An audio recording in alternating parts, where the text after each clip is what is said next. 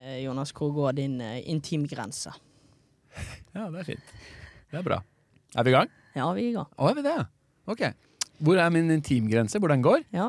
I hvilke sammenhenger? Vi kan gjerne begynne med kollektiv uh, reise. Ja. Trikk, buss, for eksempel. Jeg har uh, ingen spesielle jeg, jeg er veldig lite skeptisk til andre folk og intime møter. Jeg klemmer. Mm. Jeg er ganske fysisk. Ingen problem med å stå på en uh, fullpakka T-bane eller tog, eller glad i å være på kollektivt. Um, det er ikke sånn at jeg hopper på klemmer enhver som er litt sånn i periferfasen, håndhilse, klemme. Men uh, generelt så er jeg en intim fyr, tror jeg. Syns du dette var et godt svar, Sondre? Ja, jeg syns spørsmålet var litt dårlig, men uh, Nei, intime grense. Hvor lang tid bruker du på å bli kjent med en ny partner? Kommer litt an på. Ja, det gjør det. Det er jo um, settingbasert, setting-basert, vil Ja, jeg si. veldig. Ja. Så for eksempel om man har vært ute på en date, skal man kysse på munnen, gi en Mhm. god klem, kysse på kinnet, se liksom hvor det fører, eller føles det naturlig å bare begynne å kline? Det vet man jo ikke. Nei, Det er jo en veldig sånn eh, ta og føle-situasjon, føler jeg. ja. Der er det umulig å bomme òg. Det kan være, men jeg gjør det utrolig sjeldent. Jeg er ganske god til å lese rommet. Ja, det bør man jo være. Så du er god på å skjønne når klining eh, blir aktuelt? Ja. Det er jo veldig fin kartlegging fra start. av. Vi har en gjest her i studio i dag, og så har jeg med meg min tvillingbror Sondre for første gang. Han er da Andre gang. Andre gang. Han er da Ja. flyttet til Oslo og skal da begynne som advokatfullmektig, er det riktig? Det er rett, ja. Ja, i et advokatfirma her, så vi får se om han får være med litt i fortsettelsen. Det er jo en liten plan jeg har hatt, men vi får se hva jobben tillater. Jeg tenker vi bare introduserer denne gjesten, så vi, dere kun har hørt stemmen til så langt. Jeg. Reagerer og agerer du på sniking i kø? Og det syns jeg er herlig. Hva jeg tenker om ordet streit? Det forbinder jo det med kjedelig, normal. Var det spørsmålet? ja. Gå nå fuckings to meter til, da. Får ikke stoppe rett etter en rulletrapp. Vi må få trommevirvel. Ja. Du er ingen streit person. Hvis du sier jeg er streit, da blir jeg forbanna. Du er streit. Lite streit. Foran meg så sitter mannen som aldri blir sliten, og en følgende uke i hans travle liv kan se sånn ut. Mandag jobb og skitur. Tirsdag jobb, benkpress og biceps med påfølgende middag med vinmeny. Onsdag jobb, presser inn en date i lunsjen, konsert på kvelden. Torsdag jobb, besøker nevøer og quiz på Dattera til Hagen til kvelds. Fredag grytidlig fly til London, litt av prat med Ødda, to middager, en med kollegaer, en med en lokal flamme, gjerne Manchester. Lørdag rolig jogg, dress på, Arsenal-Tottenham, indre bane, middag, avslutter kvelden på nattklubben Fabric. Søndag fosterstilling på 1A hjem til Oslo via Munchies på Løkka, rett i seng.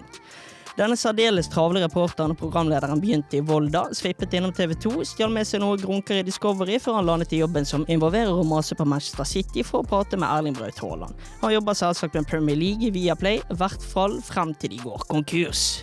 Gordon Ramsays forsvunne sønn, Smult. Jonas, ikke Bergland, men Jonas Berg Johnsen. Imponerende at du fant ledig tid. Velkommen.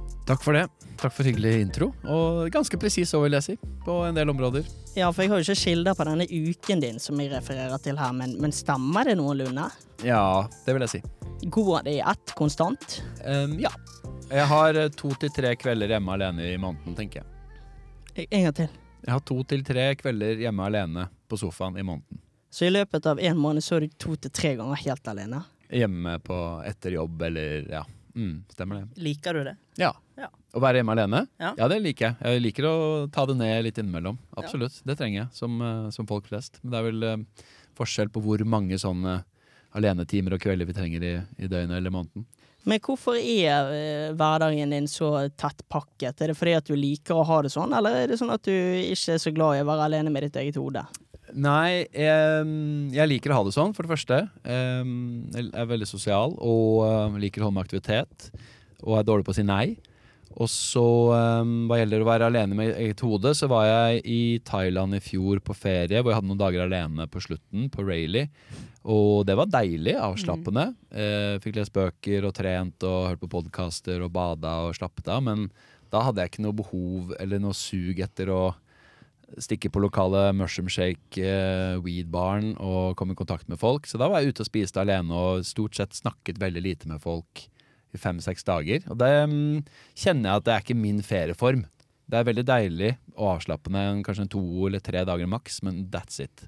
Da blir det sånn, Det er ikke fordi tankene mine blir så mørke, men man begynner å filosofere litt, da kanskje, og tenke på det man har hjemme og savne det og sånn. Og det er jo en fin ting, egentlig, syns jeg. Det bør man unne seg innimellom. Men det høres ut som du er en sånn tydelig ekstrovert, som på en måte som en blodigle, så drar du og suger ut energi fra andre.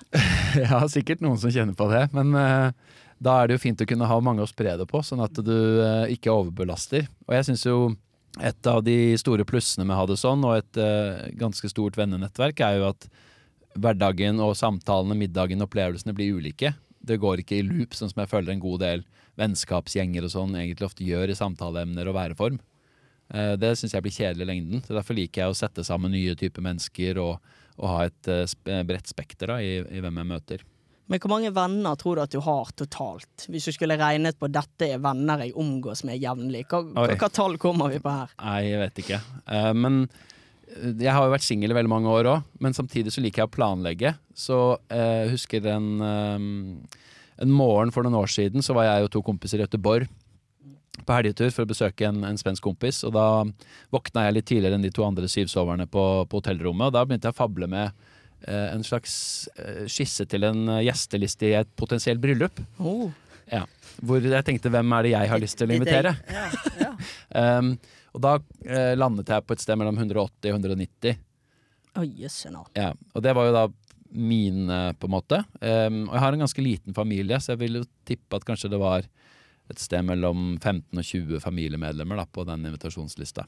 Men hvis du skal gjøre, gjennomføre dette bryllupet i utlandet, så kommer dette til å bli ganske dyrt. Det blir ikke billig, så det er kanskje en av grunnene til at jeg holder meg unna det fast forhold, så jeg slipper å forholde meg til eh, de dyre bryllupsplanene. Du la ikke til rette for at hun også skulle invitere. Jo, det kommer jo da på toppen, selvfølgelig. Um, og noen har jo store familier, og, Ja. eh, så det kunne jo blitt et i overkant stort bryllup. Det, mm, det innser jeg jo. Jeg må bare si, Sondre, du som er med her i dag som min tvillingbror, du er jo ikke like rutinert på dette. Jeg merker det at du sitter litt langt ifra mikrofonen. Ja, men litt sånn, du blir litt sånn Men nå er bildet mitt òg litt dårlig. Det er litt sånn, litt sånn usikkert preg, og at uh, Går det fint? Ja, det går fint. Jeg tror vi bare må komme litt inn i det. Men hvor mange venner har hvis, ok, hvis du hadde hatt et skikkelig problem, da? Hvor mange venner føler du at du kunne ringt? Oi. Um, nei, da er vi men mer nedpå et sånt vanlig nivå av hva folk har i kretsene sine. Det er jo ikke så mange av de som kanskje er på middag eh, innimellom, eller sånn som er nødvendigvis de nærmeste vennene. Um, men et skikkelig problem, vet ikke jeg. 10-12 pers, kanskje. Men det er jo noen jeg ville valgt først, ja. Jeg har jo noen jeg anser som min aller nærmeste. Mm. Mm. Hvor nærme har du vært å være utbrent? Hvor langt ned på beina har du vært? Aldri noe.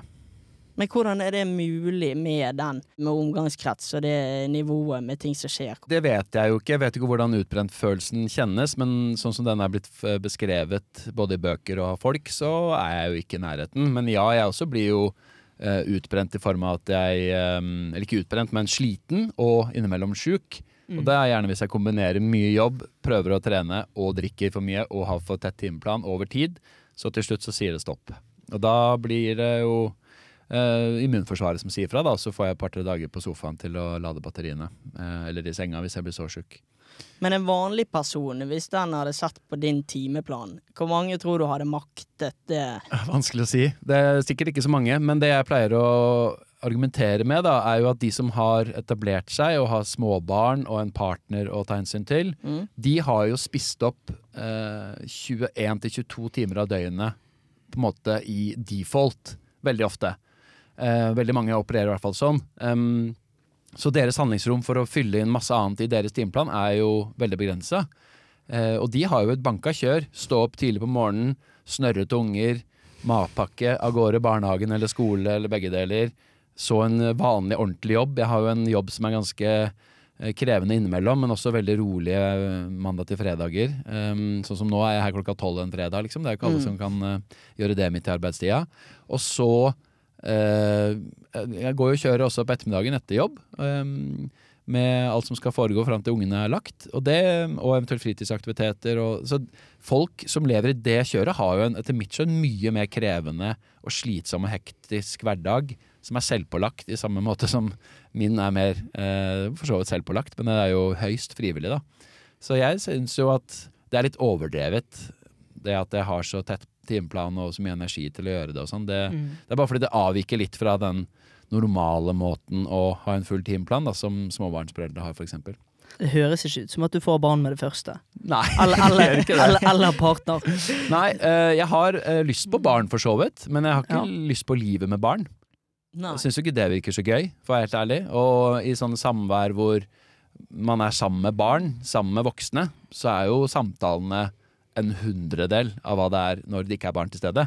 Det er jo kjedelig i forhold til gode, dype samtaler med, med betraktninger og analyser og livets gjøren og laden over noen flasker vin, kontra sånn eh, når det løper unger rundt, liksom. Det er vel alle enige om. Men kan du si det for sikkerhet uten å ha prøvd det sjøl? Jeg har jo ganske mange venner med barn, og familie med barn, så jeg opplever jo dette innimellom. At uh, når ungene er enten til stede og det er full fart, eller at folk akkurat har fått barn, eller at veldig mange snakker mye om barn og livet med, med ungene, som er dørgende kjedelig, selvfølgelig, som regel. Eh, noen unntak. Men eh, folk, når de får barn, så glemmer de veldig fort hvordan det var å ikke ha barn, i samtale med venner og familie. For det, det er det som er fokus i deres liv, og det er jo også forståelig. Men det er vel også derfor det ofte blir en eh, liten grøft mellom de som har barn, og de som ikke har det, da. Sier du at folk blir dårligere sosialt etter de blir foreldre? I perioder, ja, definitivt. Ja. Eh, dårligere søvn. Du bort meg, ja, ja. ja. jo, men mindre, mindre inntrykk og, og overskudd til å gjøre andre ting. Ehm, eh, og det er det som på en måte foregår og farger hverdagen din. da. Så det er ikke så rart at det er det som er tema. Fordi man får kanskje ikke fulgt like mye med på Dagsnytt 18 eller lest bøker eller fulgt med på hva som foregår i, i verden eller i andre folks liv. da. Grunnen til at jeg interesserer meg for dette og livet ditt, er jo fordi at jeg ser jo for det meste gjennom Instagram, da. Og da syns jeg det er på en måte beundringsverdig, eh, interessant, litt skremmende hvordan du klarer å sjonglere så mange forskjellige baller, da. Så du bare er en som fascinerer meg, hvordan du holder på. Og jeg, jeg skjønner ikke at, at det går opp. Men nå har jeg fått en liten forklaring på dette. da. Hva, hva tenker du, Såre? Ja. Det begynner vel med at han syns det er gøy, da. Og da gjør det jo det mye lettere. Så jeg tror det svaret ligger litt der. Det er veldig lystbetont, det er helt riktig. Ja, det er nok det. Men nei, jeg, eh, jeg tror oddsen for at du får eh, partner, den er nok ganske høy. Ja. I nærmeste Lav, framtid. lav sånn eh, lav, lav, Liten sannsynlighet for at det skjer. Høy Ja, odds. Høy odds, ja. Ja. Fra timeplan til lønn. Hvordan går det med den tolvte hver måned? Er han fortsatt like god? Tenker du på Viaplay da, eller bare min egen situasjon? Nei, altså Det har jo vært et veldig Hva er det de sier på toppen? Krevende år. Utfordrende år for Viaplay og, og mediebransjen generelt. Eh, og det var det jo også i faser da jeg jobba her i Discovery, hvor vi eh, for så vidt sitter nå på et vis. Um, Mm. Men eh, vi på gulvet merker jo ikke så mye til fra dag til dag eh, hvor alvorlig eh, det er for selskapet. Det vet jeg ikke så mye om. Annet enn at jeg leser jo eh, overskrifter, og vi får jo noe informasjon innad. Og at tredjekvartalsrapporten nå kom veldig på overtid, og man jobba gjennom natta for å løse få alle flokene i havn osv. Så, videre. så at det har vært skikkelig turbulent, det er det ingen tvil om. Men eh, enn så lenge ingen problemer med lønnsutbetalingene, altså. Heldigvis. For meg og Sondre som kun eh, ser eh, overskriftene og som ser sendingene, vi ser jo bare alt som skrives og sånn, at her skal det spares penger. Vi vet jo ikke hvordan du har det og sånn, men jeg regner med du er en ganske trofast mann i den bedriften. Ja, jeg, jeg er veldig lojal til Viaplay, i hvert fall. Eller at de er lojale til det. Jeg håper det. det Men klart, hvis de må kutte og selge unna ting, eller altså, hva vet jeg Nå eh, er jo det dumt å skulle selge det man tjener penger på, da, som jo er eh, blant annet det jeg jobber med med fotballen. Men, men vi merker det jo i form av at det kanskje er litt mindre reiseaktivitet. Litt færre dager med studio rundt kamper som ikke er så store, i midtukene i ligacupen og sånne ting.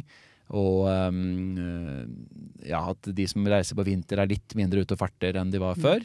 Det er sånne typiske ting, fordi eh, alltid når man er i starten av en rettighetsfase, eh, jeg har opplevd både TV 2 og i Discovery òg, så klemmer man til noe så det griner, for man skal markere seg fra start. Og så eh, trapper man gradvis ned, at pengebruken blir litt mindre. Det er mm, egentlig veldig vanlige mekanismer, så akkurat det er ikke så ulikt det jeg har opplevd før, egentlig. Alle som sitter i sofa og ser på Premier League-sendingen, sånn, der de kjører jo denne diskusjonen alt var bedre når TV 2 hadde rettighetene. Hvordan forholder du deg til den diskusjonen?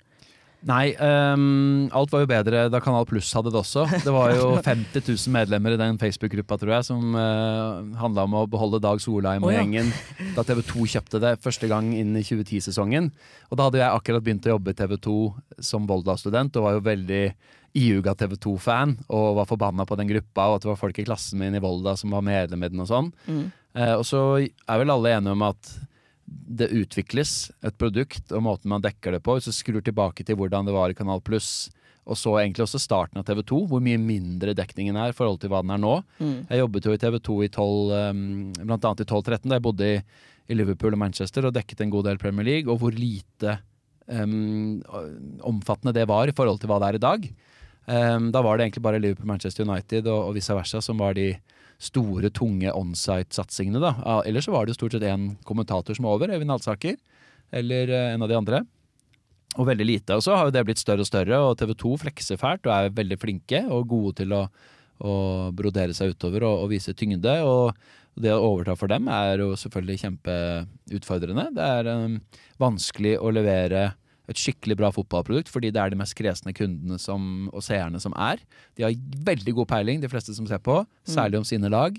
Og i tillegg er det eh, ikke så mange eh, naturlige eksperter der ute. Altså Noen av de beste er jo opptatt med andre jobber, enten i TV eller i, i landslagsfotballen f.eks. Brede Hangeland er jo en strålende ekspert, hadde vært kult å ha ham på heltid. Men, men eh, det gjør jo at Viaplay må jo plukke blant eh, de man har fra før, og prøve å utvikle nye talenter, som jo eh, er en tidkrevende prosess. Fordi som du vet, det er vanskelig å bli god i en jobb over natta. Hvis jeg, jeg bare tenker på om jeg skulle ledet en sending eller vært reporter for første gang inn i Viaplay sin Premier League-satsing, så hadde jeg jo syntes at det var sinnssykt skummelt. Så det er jo veldig kudos til de som eh, har blitt med og tør å gjøre det og hive seg uti noe som er skikkelig vrient, og som du har veldig øyne rettet mot deg. da. Men jeg syns at, eh, at vi løser det kjempebra, og jeg er stort sett veldig fornøyd med veldig mye av våre sendinger. Så vet jeg jo at smaken er som baken. Jeg har jo venner, jeg også. Noen elsker Lars Kjernås, noen syns han er verdens tørreste mann. Andre elsker eh, eh, Gunnhild Tollnes, andre syns hun er dame, så da er det fælt. Så det er jo vanskelig å forholde seg til eh, den type kritikk innimellom òg, da. Så um, jeg vet da søren. Det er, det er ikke så lett å si hva liksom, Å svare til alle som sitter og ser på, er nesten umulig. Um, men man vil jo gjøre så godt man kan, selvfølgelig. Du jobber jo med verdens største produkt. I tillegg så intervjuer du blant verdens største idrettsutøvere. Hva tenker du, Sondre? Har Jonas nå nådd toppen av karrierestigen? Oh, det er et godt spørsmål. Ja, Kanskje nasjonalt, ja. Å ja, skal jeg gå uh, international? Altså, hvis det er fotball man er interessert i, så blir jo Premier League det største å jobbe med. Husker jo da jeg begynte å jobbe i TV 2 og hadde begynt å gjøre litt reporterjobb der og sånn da jeg var relativt ung, at det var sånn Det her blir jo ikke bedre. Og så fikk jeg være med til OL i Sotsji som hockeyreporter og tenkte faen, nå blir jo ikke større. Og så eh, bytter man, jobber med landslaget og, og blir på en måte reporteren som gjør, gjør norsk eh, landslagsfotball under Høgmo-perioden. Og så er det OL i Discovery, som var kjempegøy, med stadig nye utfordringer. Og det samme i Viaplay med, med å gjøre vinter, gjøre fotball, gjøre litt studio etter hvert. Altså, det, jeg tenker jo at hvis jeg skal gjøre noe annet igjen, så blir jo det å eh, hoppe videre til noe annet som er minst like gøy, da. Enten det er i Viaplay eller om eh, x antall år et eller annet sted. Hva vet man om verden, liksom? Det er ikke så godt å si. Så jeg syns ikke det er eh, noe lett eh, svar å, å avgi, egentlig. Men eh, det viktigste for meg er egentlig ikke å gjøre det samme hele tiden. Jeg syns det er gøy å veksle litt på, og syns det har vært eh, noe av det viktigste motivasjonsfaktoren egentlig i min jobb, da. Men må det være sport? Nja, mamma og pappa sier jo som støtter stadig at når skal du få deg ordentlig jobb, på en måte. Eh, begynne å jobbe i P2 eller, eh, eller en utenrikskorrespondent et eller annet sted. Jeg tenker at eh, veien dit bør jo være kort, men det er den jo ikke nødvendigvis. Eh, så det har blitt litt sport nå. Jeg er jo ikke så veldig opptatt av å jobbe med sånn lett underholdning, egentlig, som på en måte er den raskeste veien ut av sport og videre til noe annet. Uh, Det er nok litt lengre vei til at P2 sin redaksjon tenker Oi, her har vi en sportsreporter som vi er villig til å gi en sendeflate som kan drive med dybdeprat på et eller annet vis. Det um, som kunne vært noe interessant, da. Så um, jeg tror nok uh, det blir sport i all overskuelig framtid, i hvert fall. Du har jo intervjuet en lang liste med fete folk, eh, og her forleden så pratet du òg med Erling Braut Haaland og Jack Grealish sammen. Ja. Hvor bøs eh, føler du deg når du sitter og prater med de to? Da føler man seg ikke så bøs, ass. Eh, da er det veldig strikte rammer, både i form av det rigget som er rundt. Sånn som i den situasjonen var det jo en studiosetting hos Manchester City med masse britiske kamerafolk og produsenter og reportere fra andre land og tjo og hei, og så er man veldig bundet på tid. Mm. Så det er noen som står og stresser og coacher fra City sitt presseapparat som teller ned. Man har liksom ti minutter fra man setter seg ned til alt skal være ferdig, så du har veldig mye du føler du ikke får gjort. Så det er en ganske sånn stressende situasjon, egentlig. Klarer du å kose deg i den settingen? Akkurat da så gikk det bra. Jeg tenkte at det skulle bli verre, men um, det var, vi var, um, var der ganske lenge og så at Sky gjorde sitt, og så var det et par andre før oss. og det, var, det fikk roet ned ja, nervene litt, da, kall det det. Eller en følelse av uh, at dette, de er i godt humør. Det hjelper jo å se. uh, for det er ikke alltid de er. Men Føler ikke du deg ganske kul etter et sånt intervju når du har sittet og pratet med de to, eller er det sånn, kjenner du ingenting på det? Nei, det gjør jeg egentlig ikke, altså. Gjør ikke det? Nei, det vil jeg ikke si. Så det å bli starstruck heller, det blir du ikke lenger. Jeg, jeg blir starstruck av sånn Thierry Henry, Arsène Wenger. På det nivået kan jeg bli litt starstruck. Av de største, liksom, fra min, min tid i, som Arsenal-supporter, da. Eh, og de to har jeg på en måte aldri heller ordentlig fått intervjua, så det hadde vært eh, veldig gøy. Men hvem er den kuleste du har intervjuet, da? Som beste intervjuobjekt? Eller den kuleste sånn personen? Nå, nå tenker jeg der du, der kanskje det intervjuet du har gledet deg aller mest til å gjennomføre, da. Jeg vet ikke Eller gruet, fordi du følte det var stort. ja. Jeg vet ikke hvem du har på listen din, jeg. Altså, back in the day så var det jo alltid jævlig skummelt å intervjue sir Alex Ferguson, da.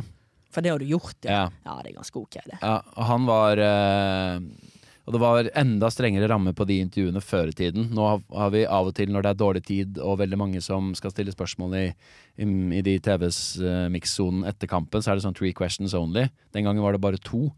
Og det visste jo han veldig godt. Og han så jo at jeg var ung og hadde jo ikke sett meg før, sannsynligvis. Så det var et par ganger der hvor han bare etter at jeg hadde stilt mitt andre spørsmål, han hadde svart ganske kort. Det ble nesten et pinlig eh, kort intervju, egentlig. Og så prøver jeg meg på et tredje, og så sier han 'well done, son'. Og så klapper han meg bare på skulderen og går ut av intervjuet. Eh, liksom. Så da føler du deg jo knøttliten. Ja. Og så har du egentlig ikke levert noe særlig som er brukende på lufta hjemme heller, for det ser så rart ut når et intervju varer i to spørsmål og i 38 sekunder. Vanligvis når du ser et managerintervju etter kamp, så er det jo to minutter til fem, liksom. Mm. Så det, Han er nok den skumleste, altså. Fordi det var så mye aura og posisjonen hans og, og væremåten, liksom. Den var ganske um, Den var ganske skummel. Men du mottok ikke noe trusler etter det intervjuet? Ikke med sir Alex. Nei. Det har jeg aldri gjort. Det. Har det blitt noe særlig med trusler av de siste intervjuene du har gjennomført? Nei, det har ikke det. det. Heldigvis så blir det jo Det er jo veldig få som eh, tillater seg å gjøre, da. Hva legger dere i trusler? Nei, det var litt styr etter et Høgmo-intervju for uh, 100 år siden i Budapest, hvor jeg var litt hard mann etter at Norge missa kvaliken til EM i 2016. Når du skulle servere den? Eh, Hodet på et fat, Ja, og, ja, ja. og da var det noen som eh, ga Ja, for hva klart var, det du uttrykk sa, for hva var det du sa nøyaktig den gangen? Hva var spørsmålet? Her har jo Norge da røkket ut av. EM-kvalifiseringen. De har tapt 1-2 bo- nei, 2-1 borte mot Ungarn. Ja. Joggebuksekeeperen Markus eh, Henriksen på topp der. Drømlotning! Bernt Hulsker i VGTV. ja, ja, det sa han vel kanskje. Ja, det var drømlotning, og det sa jo spilleren òg. At det var liksom foretrukne av de de kunne trekke. Så det var, eh, fallhøyden var stor. Men da var det vel et ganske langt intervju hvor alt handlet om eh, premissene for hvor elendig de hadde levert, og hvor elendig han hadde levert, og hva slags ansvarsfølelse han hadde. Det var vel nesten ingen spørsmål, det var bare masse påstander jeg slang i trynet på han. Mm. Ganske lenge. Det, var, det er ganske intenst å se på i ettertid. For jeg har prøvd å leite det opp, men jeg fant ikke selve videoen lenger. Det var bare en del artikler om selve intervjuet. Ja, det er eh, blitt litt sånn hemmelig. Har du lagret dette intervjuet for din egen nytelse? Eh, Da jeg slutta i Discovery, så fikk jeg en sånn avslutningsvideo som Asbjørn Myhre og Susanne Wergeland hadde vært med å sette i stand, og da var eh, den var del av det, ja. Men hvordan var dette her da når du mottok eh, For, den setningen som jeg spurte om du kunne fortelle, det var jo et eller annet med at etter Norge da var røkket ut av kvaliken, så sier du til Høgmo Du vet at hele Norge var hodet ditt på et fat. Et eller annet Nasjonen vil ha hodet ditt på et fat. Og det her var to dager etter Paris-terroren. Ja, ikke sant? Ja, Så det var litt sånn, Timingmessig så er det vel ja. komikere som har levert bedre, men eh, hvordan var det for deg i etterkant, når det kokte på sosiale medier og det ble artikler på grunn av det spørsmålet? Eh, akkurat på kvelden der så var det, kokte det godt på telefonen. Eh, med firesifra antall notifikasjoner og henvendelser i ulike retninger. Det var helt vilt. Men dagen etter, da Nettavisen kom og sa du er betrua på livet, hva har du å si til det? Syns jeg det var litt sånn hæ? det har jeg ikke fått med meg. Men de hadde jo gått gjennom alle tweetsa og Facebook-kommentarfeltene og sånn hos TV Norge, da, så der var det en del grums. Men, eh, men det, det var jo bare sånn, ja ja, det får gå fint. Men så ringte faktisk eh, kommunikasjonssjefen i Discovery da, og lurte på om det gikk bra. og og sa at det bare var å eh, ta kontakt hvis jeg trengte noe bistand. Så det var hyggelig. Men eh, det gikk veldig bra.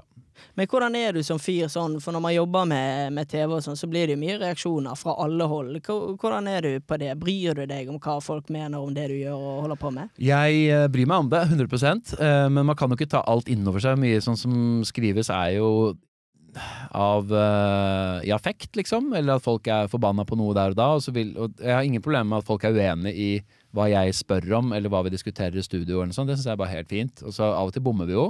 Og da må vi jo se på det. Og så andre ganger så er vi bare Vi har valgt en retning, og så får folk være enige eller uenige i hva vi diskuterer og på hvilken måte. Og ekspertene er jo de som skal mene. Jeg skal jo stort sett bare stille spørsmålene. Men eh, eh, Og så irriterer det meg hvis ting går skeis med noe, teknisk eller annet som foregår i systemet. Det er jo irriterende, men det er på en måte ikke som jeg får gjort noe med, annet enn at vi, vi må gjøre så godt vi kan. Og så hvis jeg personlig har gjort noe dårlig, et svakt intervju, eller sånt, så irriterer jo det meg. Men det gjør det egentlig uavhengig av reaksjonsmønstrene. Um, og det er ikke så ofte jeg får sånn veldig hissige og krasse tilbakemeldinger. Så egentlig overraskende lite. Kunne godt fått mer. Det er jo, det er jo sport du jobber med. Ja. Det er jo lystbetont. Det er Det skal jo ikke være så alvorlig, så det skal jo gå greit. Ja, men det er ganske alvorlig for folk. Ja, det er det jo. det er det. Om det er alvorlig for lag- hva lag heier du på? Jeg heier jo på Arsenal, da. Ja. Og for eksempel når vi dekker uh, Tottenham, Ja. og Tottenham er tapt, og jeg er entusiastisk på Westham sine vegne, så får jeg jo meldinger om at nå sitter Arsenal-supporteren og koser seg. Men jeg er jo akkurat like entusiastisk dersom Tottenham hadde snudd annenomgangen og, og vunnet kampen, så det endrer seg jo ikke. Men det tenker man jo ikke på der og da. Dette er jo egentlig kommentatorene som får mest kjenne på dette her, da. Men vi er vel også blitt bedre på det at vi tillater folk som jobber med fotball, at vi, at vi skjønner at folk òg har et lag. Det, jeg syns vi er kommet en liten vei der. I starten var det masse hemmelighold i TV 2. Folk ville ikke si hva de heia på og sånn.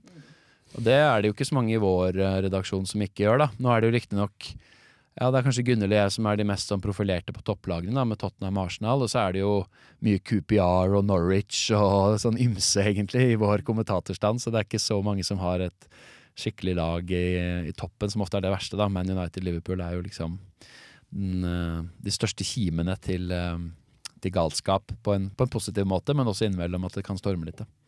Når man ser på CV-en din, Jonas, så har du jo etter hvert hatt en del fete jobber.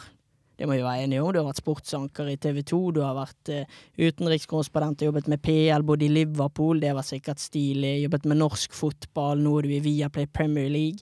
Og jeg tenker jo for at du skal ha fått alle disse jobbene, så må jo du være ganske ok på å selge deg sjøl.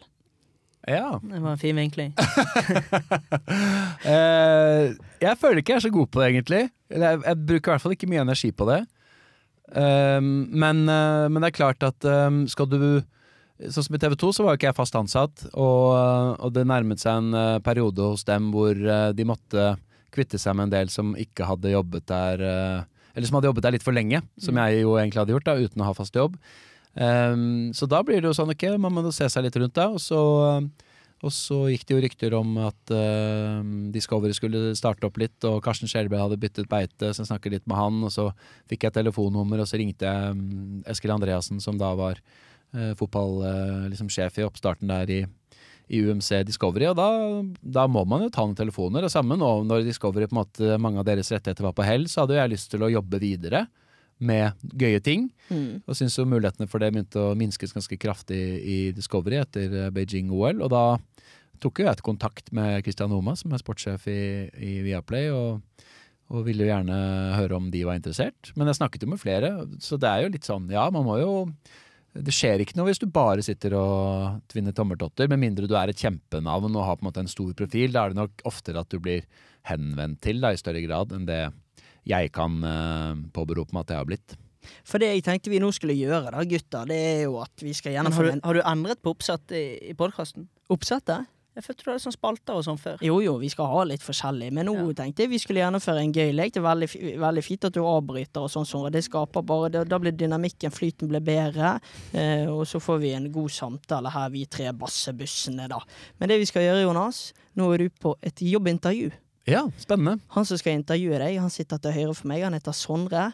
Og nå er Sondre veldig interessert i at du forteller dine tre beste egenskaper og dine to dårligste Ja. I jobbsammenheng? jobbsammenheng. Vi skal, ja, det, vi skal jo ansette deg, altså det blir jo jobbsangen. Ja. Og Sondre er ganske streng. Ja. Ja, kan være. Ok. Ja. La oss starte med de dårlige. De to dårligste. Ja, Vi begynner med de to dårligste, tror jeg. Ja. Jeg tipper at den ene er at jeg innimellom kan ha ganske mange klare ideer og tanker og retninger i hodet Ja. uh, som jeg mener at det er veien vi bør gå, i en kjøreplan eller med en sending eller i et intervju, uten at jeg nødvendigvis har informert godt nok de rundt Mm. om at eh, det er sånn jeg har tenkt. Oh, ja. Eh, fordi jeg føler at eh, innimellom det kan være innlysende, eller at dette var vel logisk å gjøre. Og så har jeg ikke skrevet det ned godt nok i kjøreplanen, eller eh, Jeg fikk jo av en av vaktsjefene høre her i fjor at Jonas, du er jo den beste programlederen jobber med, men du er også den desidert verste. Og det er nok et bilde på det. Um, og så den andre dårlige egenskapen er vel at jeg Fine dårlige egenskaper, da. Det var det. Mm, på et jobbintervju. Man må jo holde igjen kanskje de aller verste psykopatiske trekkene, eller? Eh, Nei. eh, jeg er vel også Um, Kanskje at jeg har jobbet såpass bredt, både med hva jeg har gjort da, dekket av ting, og um, og hvilken rolle jeg har hatt, at jeg kanskje er litt lite spesialisert inn mot sånn en Hvis det er sånn, ok, hvis jeg skulle begynt i VG, hvis dette var et VG Ja. Eh, og de vil ha en reporter som kan gå all in og være nyhetsledende på ski eller fotball eller internasjonal fotball. Eller, da ville nok jeg kommet eh, litt i kort, da. Mm. Fordi jeg har blitt smurt litt eh, tynt utover, istedenfor å gå all in Ja, bare sånn, på ja. dekket, sånn som Svea har gjort i 50 år da med fotball. Eller Ariles eller Mats Arntzen som jobber i VG og TV 2 som har gjort dette. Sånn, det er det vi gjør. Mm. Um, der ville nok jeg uh, sagt sånn Nei, jeg er litt sånn allrounder, liksom. Du kan bruke meg til det meste. Potet. Men kanskje jeg mangler én sånn skikkelig fagkompetanse på eh, et felt, da. Det hadde vært, eh, det hadde vært eh, noe å strekke seg etter, kanskje. Ja, Da noterer vi hva var det, manglende informasjonsflyt, var det nummer én? Ja, ja, Ja. for eksempel. Ja. Ja, og litt grunn. Og gud, ja. Litt grunn. Litt som personligheten min, kanskje. Ja, men det er fint, det. Nei, jeg håper ikke det. Nei, men vi, jeg tror vi tar bare to gode, jeg. Ja, det er flott, det. Det holder, det. Eh, jeg føler jo at uh, gans jeg har ganske bred, bred erfaring med å være live på TV. Mm. Så hvis du vil ha en erfaren uh, sportsreporter som ikke er redd for å gå eh, live, uh, både kortere og lengre strekk, så tror jeg du trenger ikke å se lenger. Er du, den best, er du blant de beste i landet? Eh, ja, det syns jeg. Ja. Ja. Um, og så hmm, Nummer to eh, Ja, kanskje det med arbeidskapasitet. da Mulighet for å så Mm. har jeg jo ingen, eh, ingen hindringer hjemme, som vi har snakket om. Så det er alle muligheter til å både jobbe intensivt eh, over tid, og jeg kan flytte på meg i perioder. Og jeg har ingenting imot å jobbe noen tunge måneder. Med, med mange, mange arbeidstimer. Det, det pleier å gå bra. Ja, men det er fint. Blir det ansettelse, dette? Ja, Det må vi ta og se på. Men uh, ja, jeg tror nok du har rett i det. Å være reporter liksom onset, der tror jeg du er en av de beste. Så det tar vi jo selvfølgelig med i vurderingen.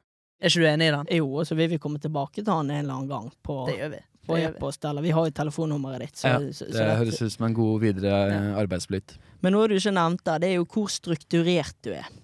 Ja, det kunne jeg tatt med. Kanskje det var nummer tre. Mm.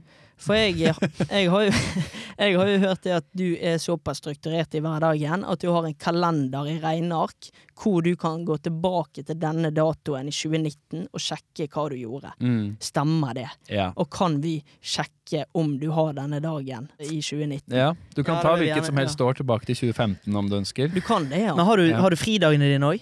Alt ligger her, ja. Det startet med at jeg skulle begynne i Discovery, da. Og Ja. um, det var mest for å føre timer, egentlig. Ja. Og da hadde jeg gjort sånn delvis TV2, men da begynte jeg å strukturere det ordentlig i, i et uh, Excel-skjema. Google Excel, liksom. Ja. Um, var det 2019 du ville ha? ja. Kanskje vi begynner med 2019, da? Jeg, vil, jeg tar denne dagen i 2019. da. Okay. Ja. Og så må vi ta en valgfri sommerdag, tror jeg. Ja, det tror jeg vi òg kan skal også gjøre. I dag er det 12. februar. Det er riktig. 12. januar, mener du? Januar, selvfølgelig. Uh, 12. januar, det var en lørdag i 2019. Ja. Oi, eh, da står det at jeg spilte cageball med eh, Eilif og co. og så så jeg Westham Arsenal halv to. Nei. Og så var jeg på middag hos en som heter Marie By, som jeg drev og data litt i den perioden der. Jeg minnes at eh, vi lagde hjemmelaget pasta, fordi det var Um, Det var det hun var glad i og holdt på med den tida der. Hun hadde sånn klassisk klasse sånn, sånn pasta Ja der, ja, Du vet. ja Så det er, det er 12. januar 2019, ja. Men du har altså da notert inn en fotballkamp du har sett. Ja, for det er litt fordi det, jeg legger inn Arsenal og en del av de andre kampene ehm, som jeg ikke nødvendigvis skal jobbe med, men bare for å ha det i kalenderen, sånn at jeg ikke legger inn eh, store sosiale happenings på f.eks. en Champions League-kvartfinale hvis Arsenal er med, eller sånne ting. Ja, ja. Ja, sånn, ja. Ja. Så det er litt derfor egentlig at den ligger inne. Jeg var en ny dato. Jeg, sånn, jeg hvor ta vil- eh, 20. juli, da. 2019. 2019, Ja. samme år. 20. juli 2019. Da var jeg på Veierland, på hytta til eh, et eh, vennepar av meg som heter Mette og Fredrik. Det er hennes hytte. Eh, og så dro jeg hjem på ettermiddagen, står det, og trente. Hadde en løperunde med Thor, min beste kompis, oppe på Tonsenhagen.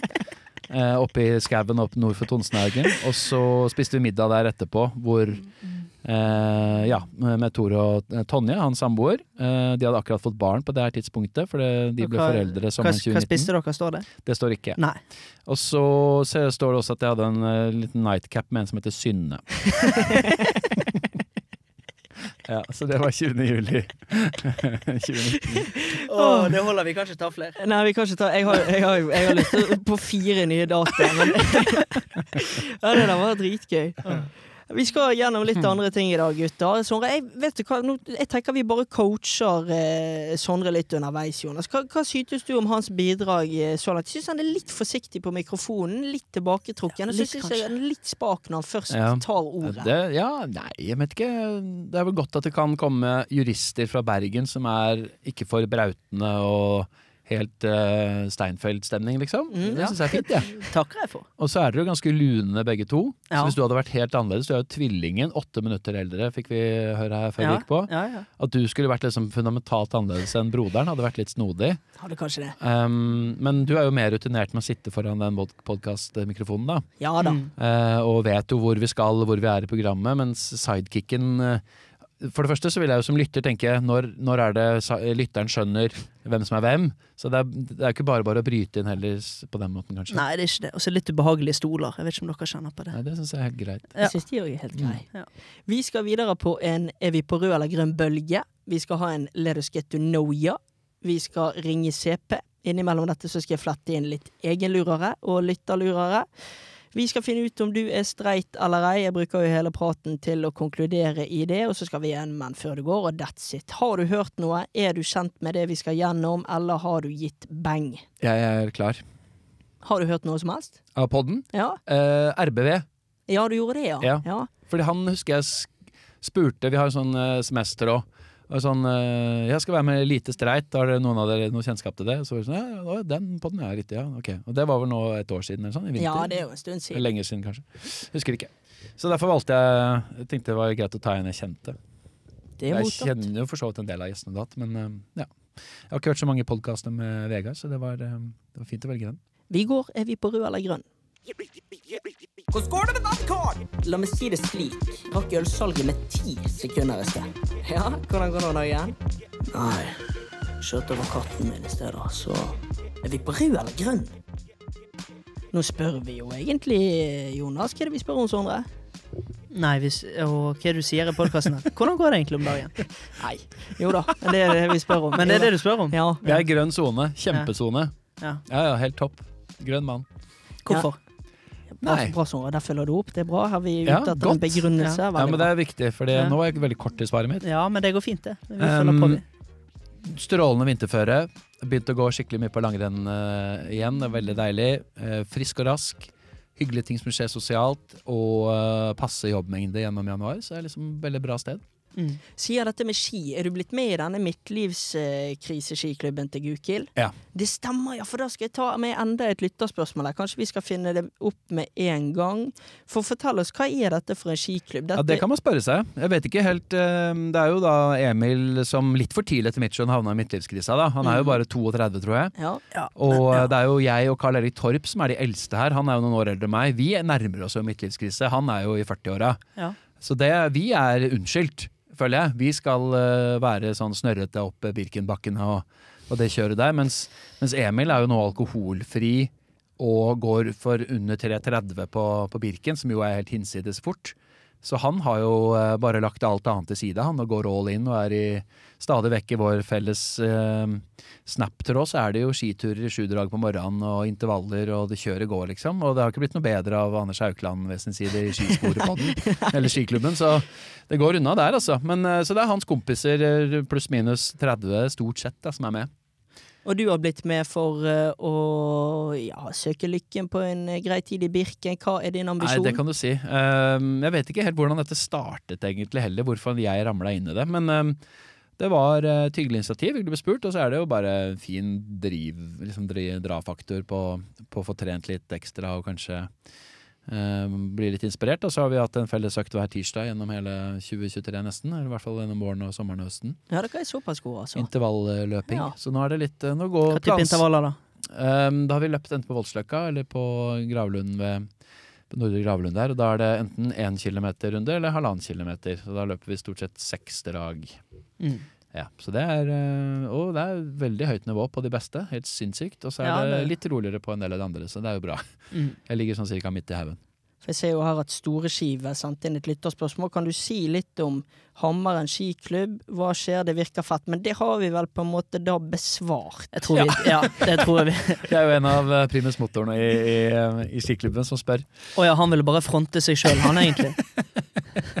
Ikke seg selv, men, men det er jo Eh, gutta er jo jævlig rå på å skaffe liksom, spons og tilknyttes liksom alt fra skiløparrangører til uh, at vi får flotte rabatter på ting og tang. Så det er jo veldig ære være. Altså. Er, og da handler det jo om synlighet, selvfølgelig. Vi må jo jobbe litt i SoMe og være ute der. Og det er Dere kan bli bedre på SoMe. Jeg var innom i går. Dere har 300 følgere. Ja, vi har ikke kommet lenger, nei. Nei, og det jobber vel òg noen som faktisk har innhold som sin faste jobb, så det skal vel være mulig å bikke i hvert fall en 479. Ja, det er jeg enig Men hva, hva sponsorer og sånn er dere har fått inn? Nei, det ser du jo på drakta vår, da. Ja, ok. Så der er det, Hvis du ser oss ute i sporet, så kan du se på drakta hvem som er med. Men det er uh, ski, uh, Bull ski og kajakk og Ja, Håka og Craft og Ja, det er ikke måte på. Får dere ski? Nei, vi må kjøpe Ikke der ennå. Nei, vi er Nei, ikke der. nei, Det er vi ikke. kan komme det. Mm, men uh, gode rabatter, så det takker vi for. Jeg har et helt tilfeldig uh, spørsmål her. Hvis vi nå skulle gått fra Hammeren skiklubb-genre over til å prate om hvordan Jonas er som kollega, hvor- hvilken snurrig overgang ville du kjørt på det? Hva tenker du, hvis vi skal fra da eh, denne mosjonsgruppen som han er med i Hammeren skiklubb, og nå skal vi til det, og det at Jonas er han en god kollega, er han en dårlig kollega? Han er jo blitt medlem av en skiklubb, da, så det handler jo litt om samarbeid. Er du god til å samarbeide på jobb? Uff. Var den dårlig? Ja, den var dårlig. Ja, men, jeg, Men det var en vrien oppgave jeg går ut fra at du har jo et svar som du ser for deg å stille.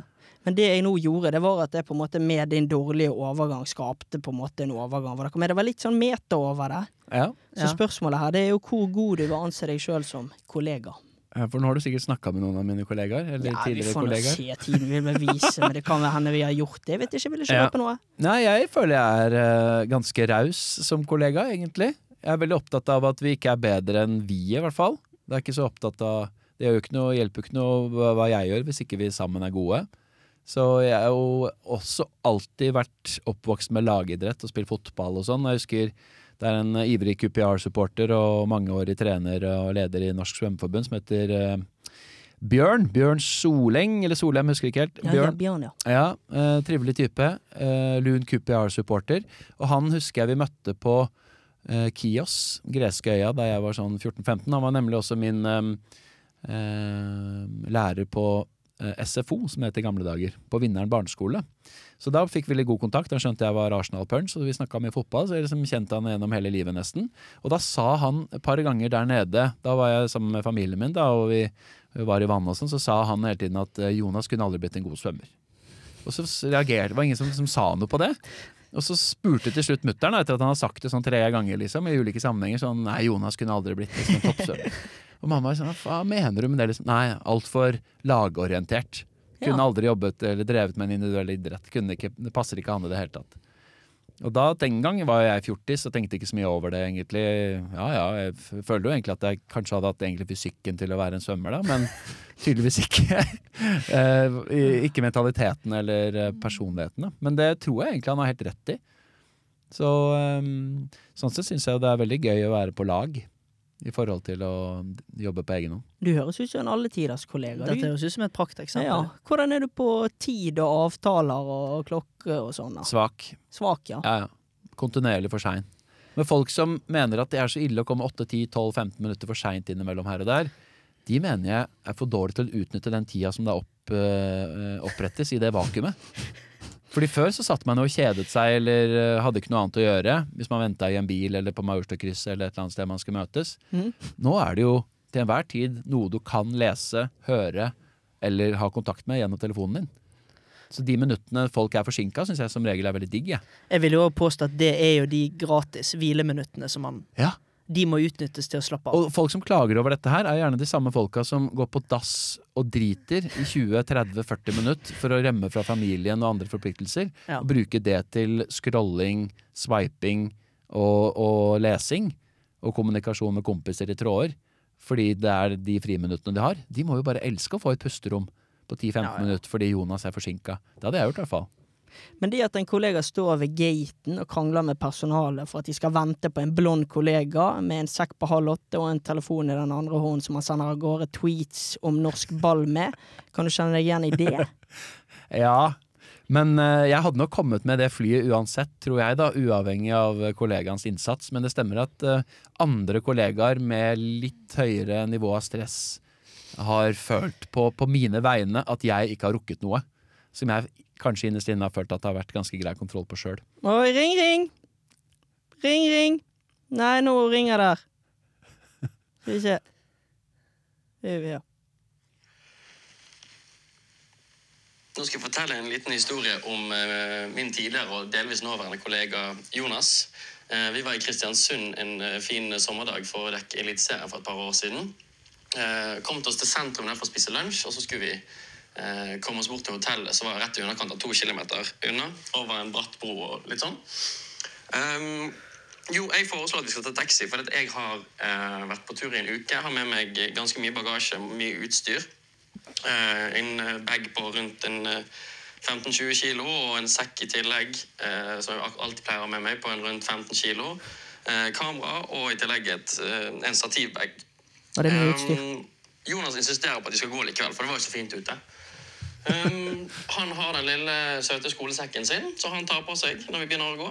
Uh, jeg tar på én og én ting over ryggen som et ekte pakkesel. Dette stemmer ikke. Uh, Jonas står og tvitrer, så han legger ikke merke til dette som han, som han pleier.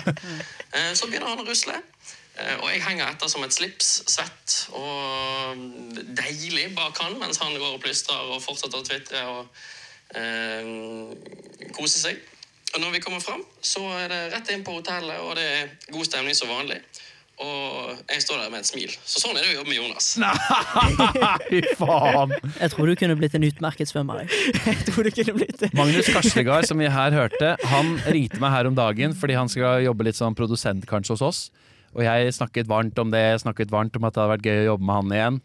Nå skal jeg ringe opp til vår produksjonsleder Anja Skau og si at den eh, løgnhalspsykopaten der, han skal vi fader ikke ha om bord. Men dette tror jeg faktisk var Henrik Kaslegård. Var det Henrik der, ja? Da ser du. Brødre som det er helt umulig å høre forskjell på. Men jeg mener at dette var Magnus jeg var på den turen med. Og det er nå Henrik jeg det er Henrik, ja? Ja, ja, det ser jo litt. Jeg husker, jeg bryr meg egentlig ikke om kollegaer. Hvem er hvem? Er det så nøye? Hvilken bror? Whatever. Uh, så det tyder vel på at uh, denne historien her har jeg sånn delvis fortrengt. Og det er jo innimellom jeg opplever at folk husker på ting som har vært negative, eller som vi felles har hatt en opplevelse av, enten av at jeg har gjort noe dumt, kanskje, eller at, at um, vi, har, eller vi felles har opplevd noe ubehagelig, eller noe sånt, så har jeg bare glemt det. Mm. For jeg, jeg fortrenger alle sånne for så vidt ubehag... Dette her høres ikke så ubehagelig for meg, da. Dette høres ut som en helt fin tur over brua i Kristiansund. Men uh, jeg nekter å tro at ikke jeg har vært med å bære. Det er helt 100 overbevist om at jeg har gjort. Så, eh, men en god historie blir jo mye bedre hvis man legger på 50% Så du er ganske sikker på at du tilbød deg, da, for eksempel? Jeg tipper at jeg bar stativet Ja, okay. uh, som et absolutt minimum. Men klart, han hadde jo da to tyngre ting å ha på, på rygg. da Og disse Karslegard-gutta har jo noen ryggsøyler som ser ut som eh, um, altså kokt pasta. Så jeg skjønner jo at, det er, at dette var vrient for han. Uh, og så er ungdommen i dag De er så jævla glad i å ta taxi. De tar taxi overalt hele tida. Skjønner ikke hvor de får penga fra, egentlig. Nei, det kan du si. Uh, sånn var det ikke i min omgang. Men eh, disse gutta her, og det er også typisk som fotoredigerer, det er taxifolk, ass. Det er taxi. Taxi til Gardermoen, taxi hit, taxi Nei, skal, nei, kan ikke gå. Nei, T-banen, nei. Taxi. Men de har jo mye utstyr ofte med seg, da. Ja, ja. Men det er også, noe av det er jo selvpålagt, da. Jeg har jo sett de beste i bransjen. Torbjørn Pedersen, legenden i TV 2, som alltid er med rundt omkring på deres opplegg. Han reiser så lett, og han leverer jævlig bra foto og klipp. Så det er mulig å klippe, klippe seg rundt, holdt jeg på å si. Uten alt det utstyret. Men eh, jeg husker ikke helt forhistorien. Det er mulig Henrik kom fra et annet opptak direkte, eller Nå vinklet vi historien til litt kritikk her. Til. Ja. Ja, vi gjorde jo det. At de må reise og latter. Den syns jeg var fin. Men vi har, eh, ja, vi har en uh, foto som vi jobber med i London en del, en svenske. Så han har altså verdens største koffert. Den er, den er stor som et Du kunne putta tre små barn oppi den. Den er helt absurd svær, den kofferten. Og den går han rundt med alltid. Og den er jo ukurant å ha med seg overalt. Og det er altså så mye greier oppi der som han aldri bruker. Men han insisterer på at det er hans foretrukne måte å reise på. Og hvis det da er pes for han å gå noen hundre meter til en T-banestopp, eller noe sånt, så er jo det i aller høyeste grad delvis eh, hans egen feil. Så jeg tenker jo at eh, man er jo litt sin egen herre òg. Jeg har jo enda en historie med ditt samarbeid med Henrik Hasselgaard som vi kanskje kunne tatt. Jeg vil bare legge til det at Kasle han er veldig glad i deg og syns du er en Ja, topp fyr ja. å jobbe med. Men dere var jo òg en gang i Bodø for å intervjue Sinkan Argjell. Ja. Og da skulle jo dere da, da er ingen av dere som bor i Bodø, så dere skulle jo hjem på et tidspunkt òg. Hvordan var det det artet seg? Nei, jeg, jeg undervurderte nok vår tidsbehov for å komme oss ut til flyplassen igjen, som jo ligger veldig tett på Bodø sentrum. Og den kaffekoppen og det intervjuet tok litt lengre tid enn det burde. Så eh, da begynte vi å ha veldig dårlig tid da vi var ferdige på den kaffesjappa, og vi hadde litt problemer med å få tak i en taxi, men eh, så til slutt kom det en. Eh, Da røk det noen minutter bare der, og så satte vi oss altså inn i en bil Men den, det er den desidert eldste taxisjåføren jeg noensinne har sett. Og han kjørte uten å kødde i 25 km i timen, uansett hvor vi var på veien. eller hvem vi, Og vi forklarte hvor dårlig tid vi hadde. Vi måtte innom hotellet og hente litt utstyr. Så vi kom eh, akkurat de tolv minuttene ut til flyplassen for seint kontra det jeg hadde planlagt. da. La oss si at fire av de minuttene var eh, min skyld, og åtte på toppen av det eh, taxisjåføren.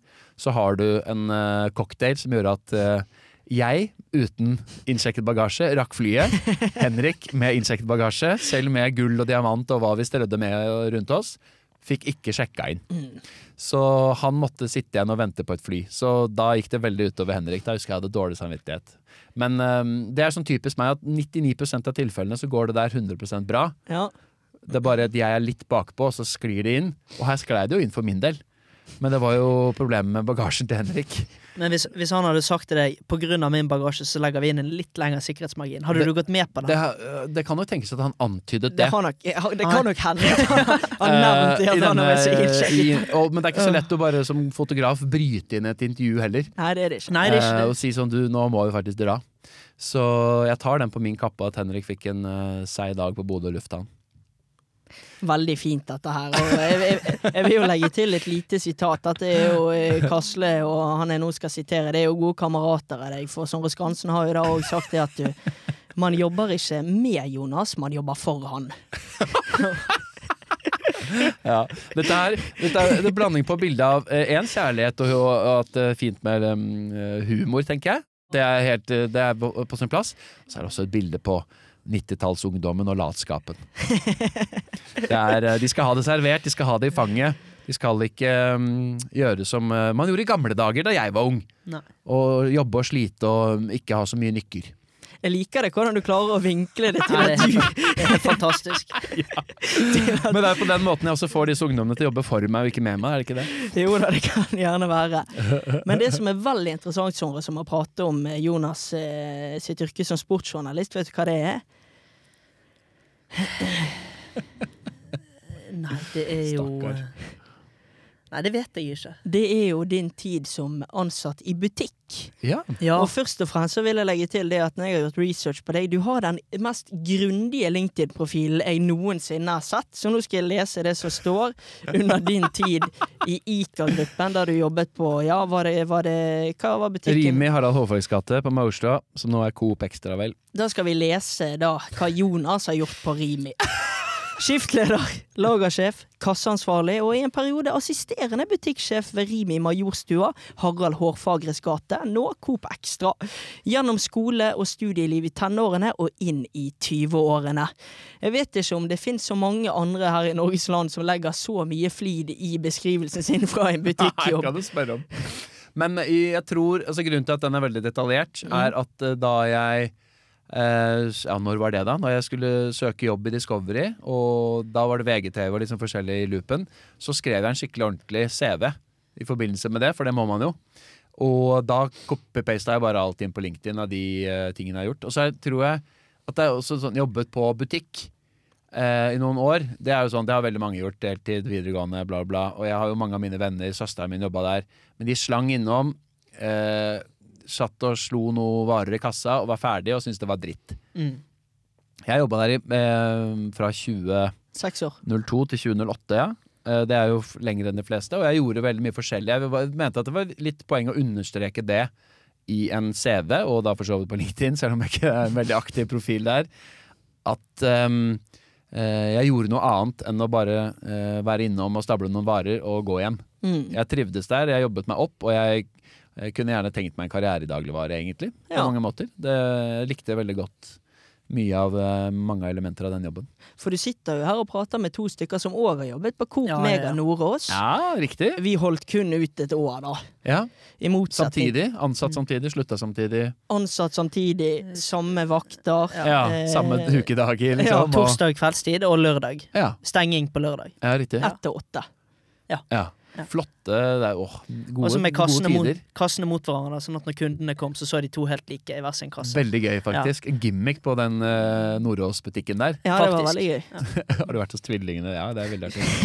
Men når man ser på det du har fått til på en måte i en vanlig butikkjobb, da, så ser man at du er en type som som legger ned jobben og kommer seg oppover i et system. Selv om man eh, kanskje ikke kan sammenligne det å jobbe i butikk helt med det å være journalist, men det er jo en tendens, det er jo en trend der, Jonas. Ja, men uh, nå er jeg jo snart 40 år, da. Eller snart 38. Mm. Og er jo fortsatt på gulvet i mediebransjen. Ja, det Du sitter jo som programleder i Ja, ja, ja. sendetid med Premier League, og så sier du at du er på gulvet. Nei, men jeg har ingen personalansvar eller noe utvidede ansvar.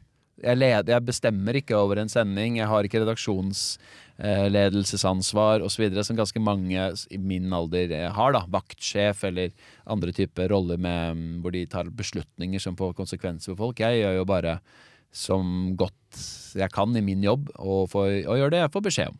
Jeg syns jo du undersnakker det litt. Du slår meg jo heller ikke som en fyr som har lyst til å ha det ansvaret og gjøre den jobben. Nei. Jeg, Men er det en rolle du kan få da etter hvert? Jeg vet ikke. Nei. Det, det må du spørre de som eh, ja, kjenner meg, og, og om jeg kan være noen leder av noe slag. Jeg er litt usikker. Det med tiden er jo kanskje Der kan du kanskje forbedres litt. For eksempel, ja. Stille presis på møter, og, Ja, og være være velforberedt og sånn. Særlig hvis du skal lede dem, kanskje. Har du noen gode historier fra rim i tiden, da? Um, Blitt tatt litt på sengen med det. Kunne kanskje nevnt det tidligere, men Nei, uh, altså Tenker du fra butikk eller med de andre ansatte? Men ja, det kan være uh, samme det. Ja.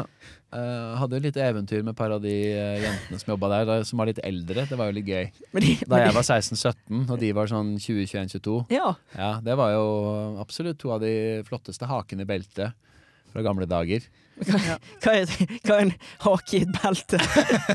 Nei, men det var jo jævlig stas å gå på videregående og drive og liksom date litt en dame som var 21. Ja, jo. Eh, og hun, jeg gikk eh, drama valgfag på videregående, eh, og vi, eh, det var jo på ytterst lavt nivå. eh, allmennfagstudenter som bare hadde muligheten, i og med at eh, videregående jeg gikk på Hartvig Nissen er en sånn dramaskole da, med de ressursene. Så vi hadde, hadde det noen timer i uka, og så satte vi opp en forestilling et par ganger.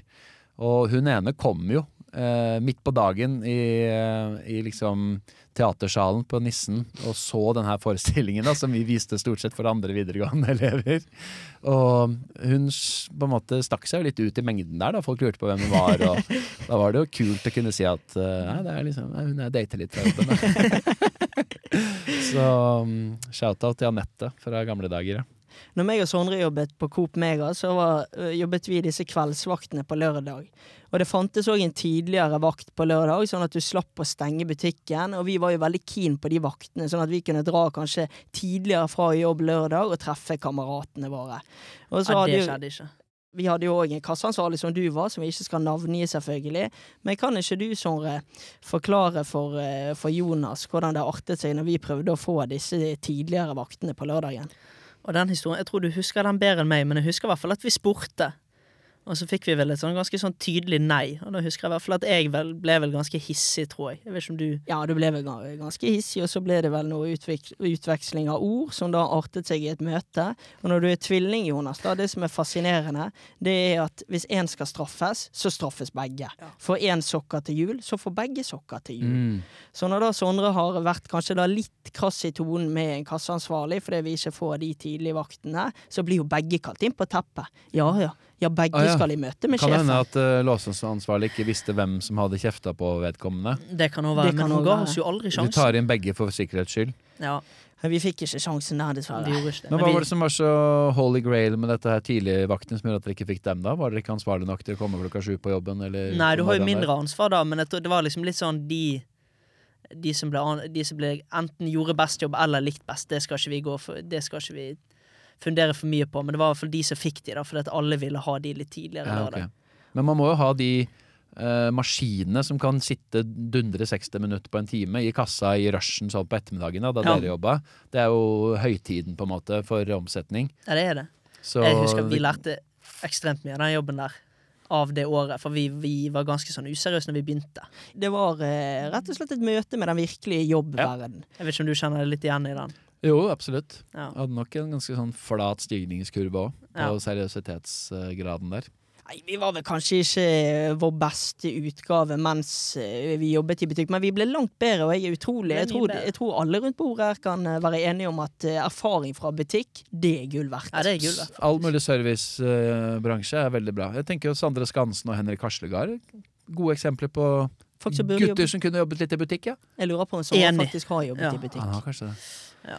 Det Uansett. Det er, skulle man ikke tro. det er litt sånn det. Enten så drar du i første førstegangstjenesten, eller så sitter du i kassen på Rimi. Begge Ja. deler er bra, eh, bra erfaringer. Men skal vi ta en Let us get to know you, gutter? Ja. Da tenkte jeg sånn at du skulle eh, Du kan få se du òg, da, at du har noe Du har noe, ser jeg at du har noe sånn adlibs her nede mens jeg skal lese.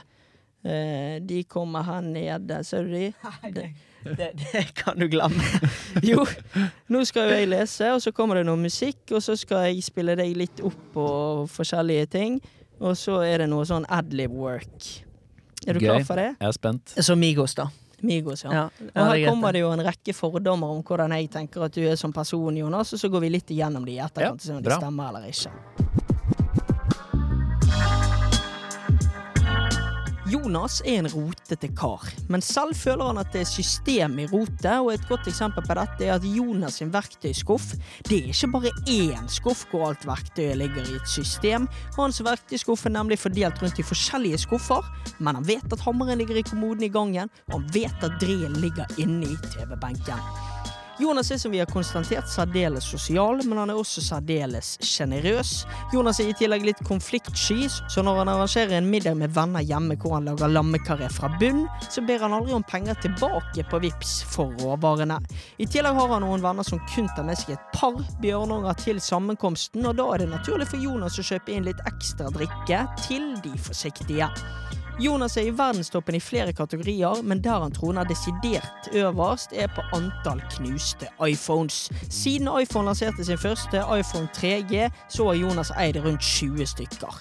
Samtidig lærer han ikke fordi han mener deksel er lamet. Jonas er glad i alt livet har å tilby, og det går ikke en dag uten at han priser seg lykkelig over at han fikk livet i gave. Han er glad i jobben sin, han elsker familien sin. Uh, family. Vernet hans er ubeskrivelig viktig. Friends. Men det vi òg må legge til, det er at han hater rommet ditt, Sondre. Hvor er vi nå? Nei, nå er det hva han hater. Uh, nei, han, har- han, eh, han hater Jeg tar den på nytt. Det er umulig å komme på. Og så er rommet ditt, Sondre, for nå skal vi avslutte med det Jonas hater. Eh, Det er folk som ikke smiler når han inviterer dem på besøk, tror jeg. Oi, ja. Ok, Eller som ikke bidrar når du inviterer dem. ja, det var nå det. Men hvordan lander vi her, Jonas? Hvordan treffer jeg?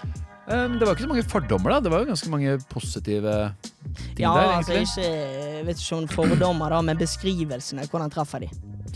Uh, ganske bra. Uh, jeg har knapt nok en verktøykasse. Og det lille jeg har, det er sammen ute i boden. Så det stemmer ikke. Den boden er ganske ryddig, Ok. faktisk. Eh, men, Men det er lettere å ha en ryddig bod når du bor alene. Ja. Det er mye lettere. Og jeg har veldig lite sånn dillal og stæsj til overs som jeg ikke bruker. Så Ja. det er, eh, jeg har nok en litt mangelfull verktøykasse.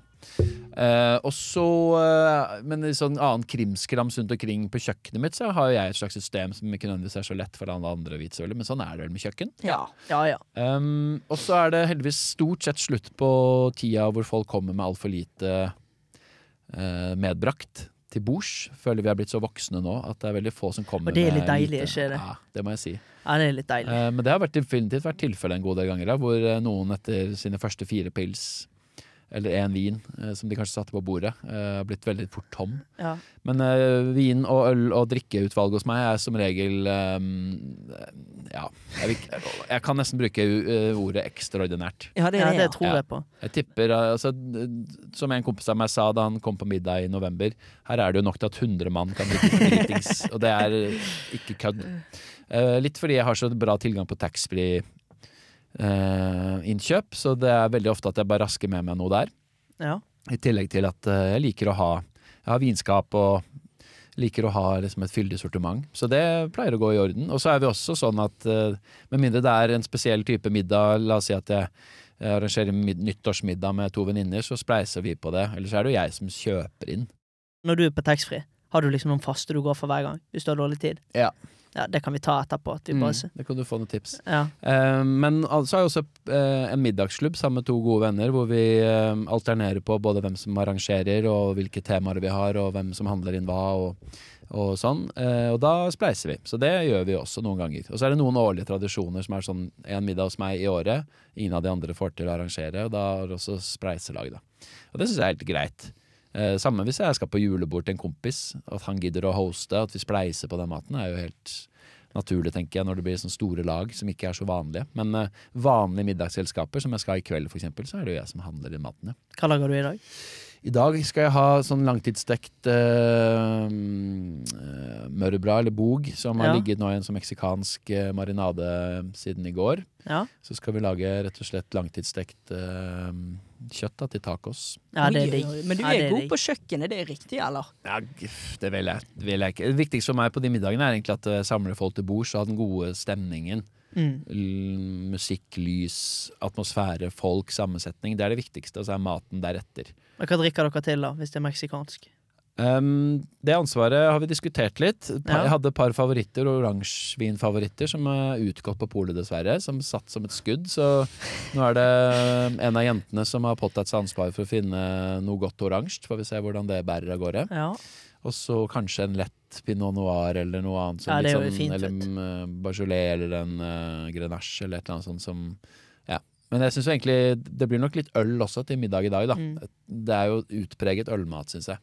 Så det går bra å drikke noe, noe lette, lyse pils til eh, taco.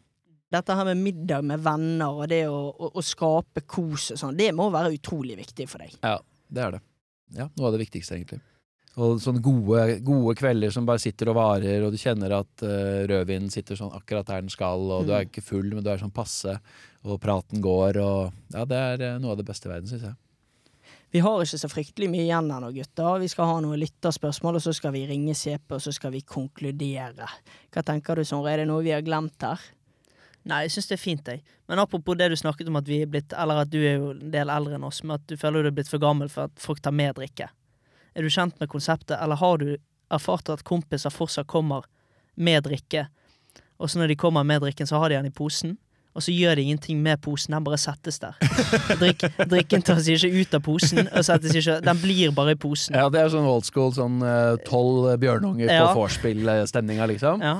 Nei, de fleste er ganske flinke til å plassere det på verandaen eller i kjøleskapet, for de er jo av egeninteresse gira på å holde den kald.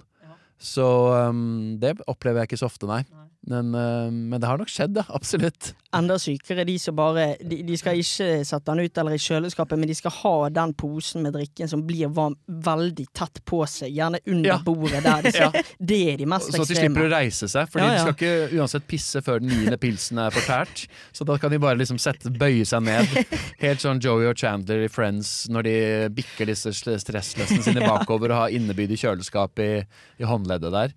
Um, det, er, eh, det er en type, det òg, men det, de er, jeg føler det er få av dem igjen. Det er nesten byoriginaler, de nå. Ja, de er det. Men de er, det er litt koselig å ha én av de der. Ja. Bare én. Men i 20-årene, eh, som jo dere fortsatt eh, befinner dere, så var jo det mye mer eh, Ja, ja. dagligdags for min del òg. Og så er ikke det sånn at når de da først skal ha seg en ny en fra posen, de tar ikke kun da opp én. Da er det tre på rappen, så de liner opp som så, De skal sikte ned. Noe rituelt i måten man åpner Ja, det det er et eller annet med det der. Mm. Vi tar noen lytterspørsmål. Vi har jo tatt noen, men Martin Borg han lurer da på eh, Vi kan jo diskutere litt, jeg vet ikke hvor mye tid vi skal vie det, men han lurer på topp tre reality-guttene ville vært med i. Det er jo Jonas som er gjest, som jeg regner det er han som er viktigst å få svar fra. Ja, det tror jeg. Men du kan òg svare, du. Ja, vi kan heller kommentere litt rundt valgene til Jonas, tenker Ja. jeg.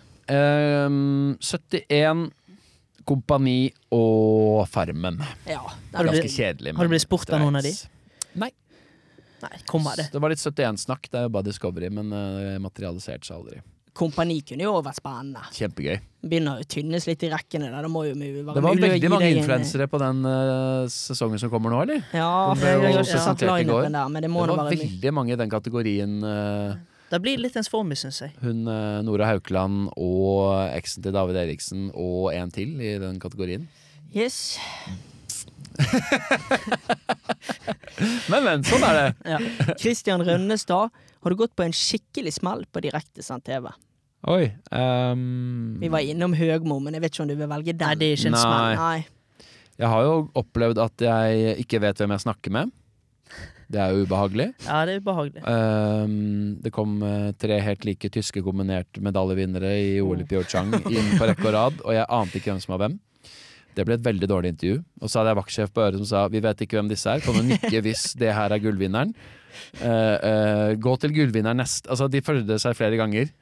Uh, og det var det ingen som skjønte hvem som var noe Ja, det var, det var ikke så behagelig. Og så har jeg også hatt et par ganske dårlige sånn i starten, TV 2 Nyhetskanalen og sånn, hvor um, jeg ikke har vært så god på fagfeltet, og det har vært mange intervjuobjekter, og jeg bommer på navn og introduserer feil, og det blir Ja, det ser nervøst ut, fordi det er kjempenervøst. Ja. og det er ubehagelig når man sitter hjemme og ser på. Det er skikkelig ubehagelig. Det, mm, så jeg føler med det innimellom når jeg ser sånn NRK og TV 2 på dagtid, så er det jo en del nyhetssendinger hvor det er ferske reportere ute. Mm. Og av og til så merker man jo at dette er ganske uh, førstegangsreis. Og det, den følelsen kjenner jeg veldig godt igjen. Den, uh, det tar tid å bli uh, trygg i det der, altså. Vi tar Benjamin Særs, vi. Dette er jo litt avansert, et. Det virker som om Jonas har tatt en mentor-farsfigurrolle for yngre kollegaer de siste årene. Det kan dere tolke som dere vil. Er han bekymret for allmenn kunnskapsnivået til fremtidige generasjoner, og hvem har skyld for det generelle fallet i allmenndannelse blant yngre folk? Oi! Oi, det var Snakk om å Ja, det var spørsmålet. ja, å treffe spikeren på huet. Ja. Du syns det? Ja. Jeg er bekymra på vegne av øh, det allmennkunnskapsnivået, ja. Ja, hva tenker du på da? da? Hovedstader og Ja, den type ting. Enkel historie, eh, eh, samfunn og det som skjer rundt oss i nyere, nyere tid og, og i, i nåtid, syns jeg det er ganske dårlig nivå på. Og så syns jeg språkegenskapene er i fritt fall. Mm. Også av de som eh, tyter ut av journalistikkutdanningen. Og det er jo illevarslende, fordi ehm, det burde være folk som er gode og glad i språk.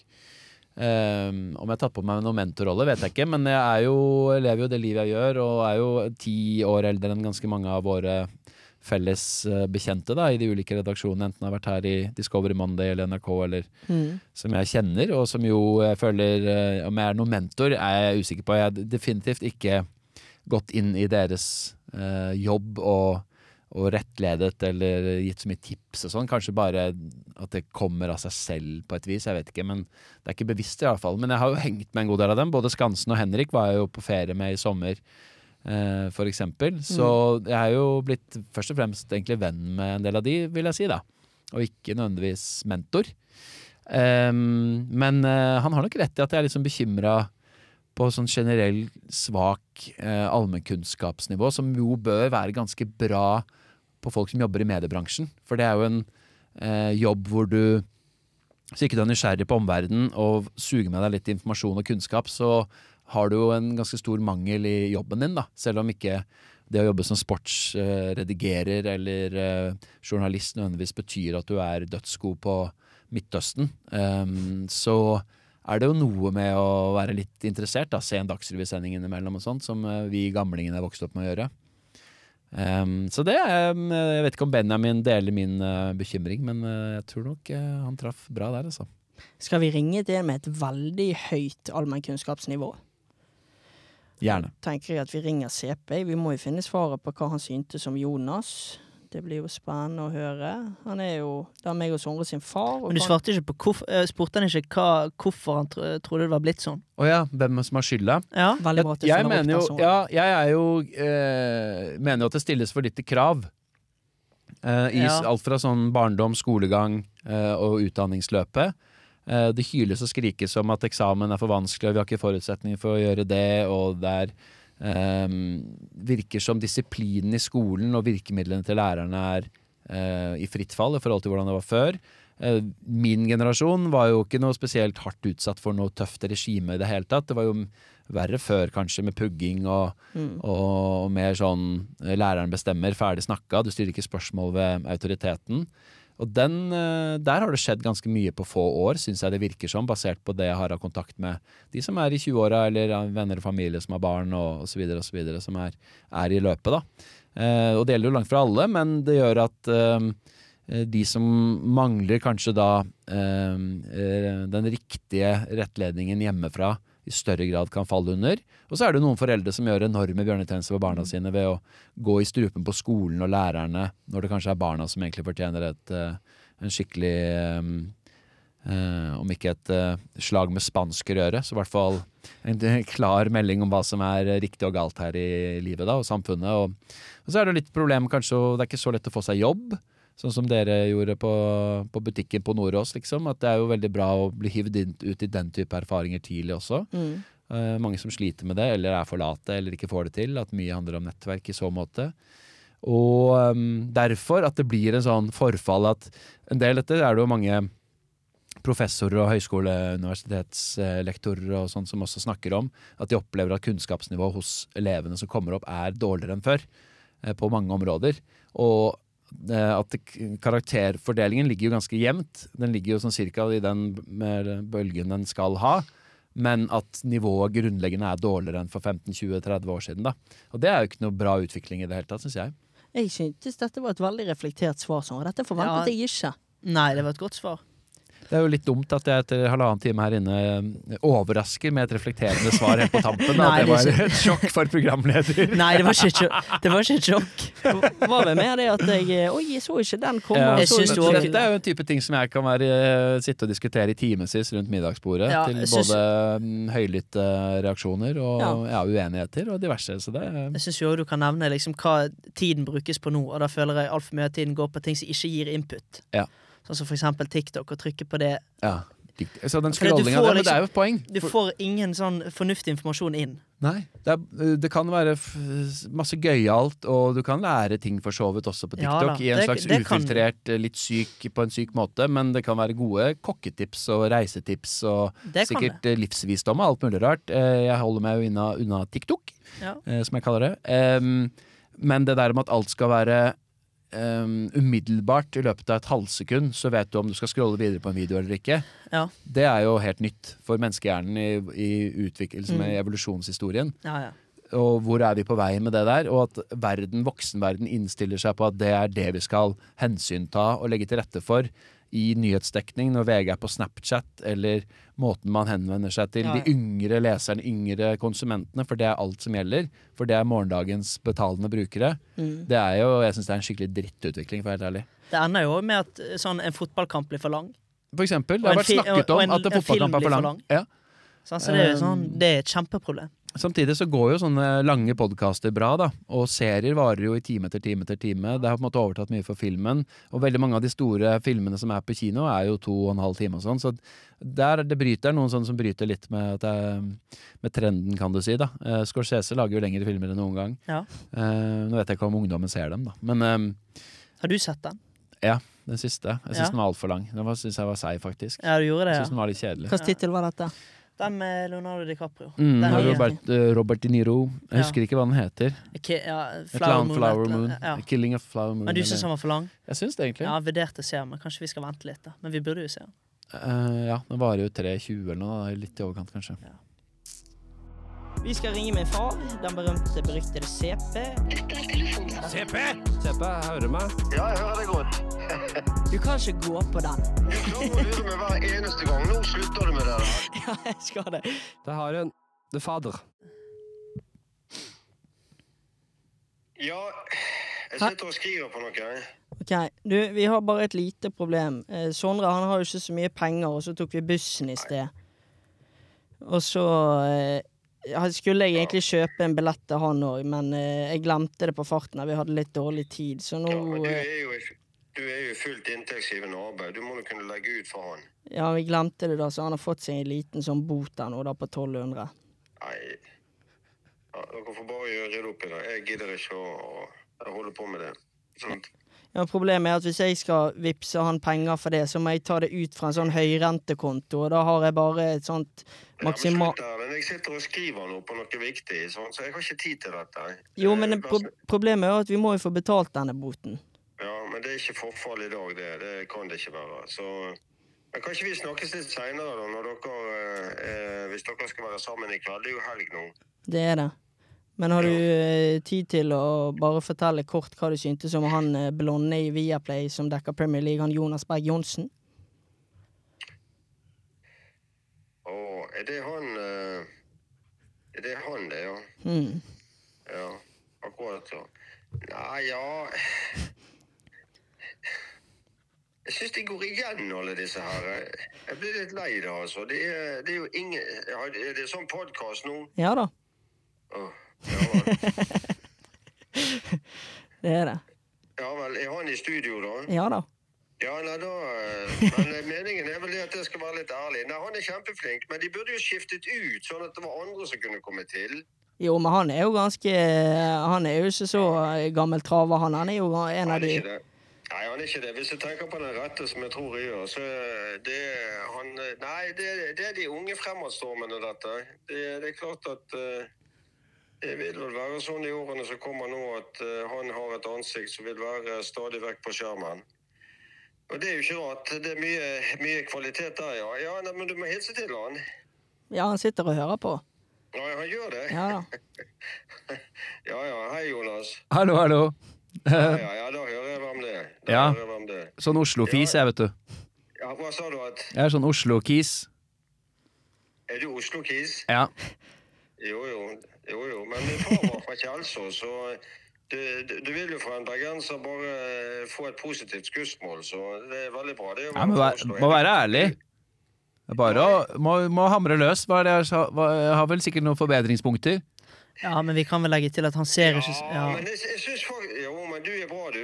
Du er, du er flink. Men eh, har ikke du løftet opp og frem og avansert i dette systemet? Jeg synes på en måte det at du har fått mer ansvar etter hvert, sånn at du jo leder disse litt større sendingene. Det er ganske nytt, ikke det det? Jo, du har for så vidt rett i det. Litt OL i Discovery og litt Premier League og sånn i Viaplay, da. Ja, Så det er vel jeg har fulgt med det. Jeg la merke til det for ikke lenge siden. Så nei, det håndterer du jo på beste vis. så hyggelig. Ja, veldig beste vis. Men det hadde jo vært kjekt å være gjest her. Du kan ikke ordne det? jeg. Og du vil være gjest? Ja? Ja! Hva slags rolle ser du for deg å ha? Nei, det må jo være mulig, særlig selv i et eh, ja, I en sånn sending som det der å ha menigmannssyn på eh, hva som presteres ut på den grønne flaten. Ja, det er sant, det. Ja, Istedenfor at eh, en har en del sånne som tror de har greie på det. Ja, det er akkurat det. Dem er det jo ganske mange av, egentlig, så der har, du, eh, har vi et vell å plukke fra. Ja, jeg er enig i det. Nei, stort sett er det jo Nei, men det hadde vært kjempebra. Jeg, jeg, jeg, jeg, bare tøyser med det. Jeg syns dere er veldig flinke alle sammen. Og de som, men jeg savner jo en del, da. Jeg har jo sagt dette før. Det er Ja. noen som har falt ut av litt ulike grunner. De som hadde litt større, både, både hadde kunnskap og størst underholdningsverdi. De har jo på en måte nå falt ut av litt, som sagt, ulike grunner. Hvem er det du savner, da?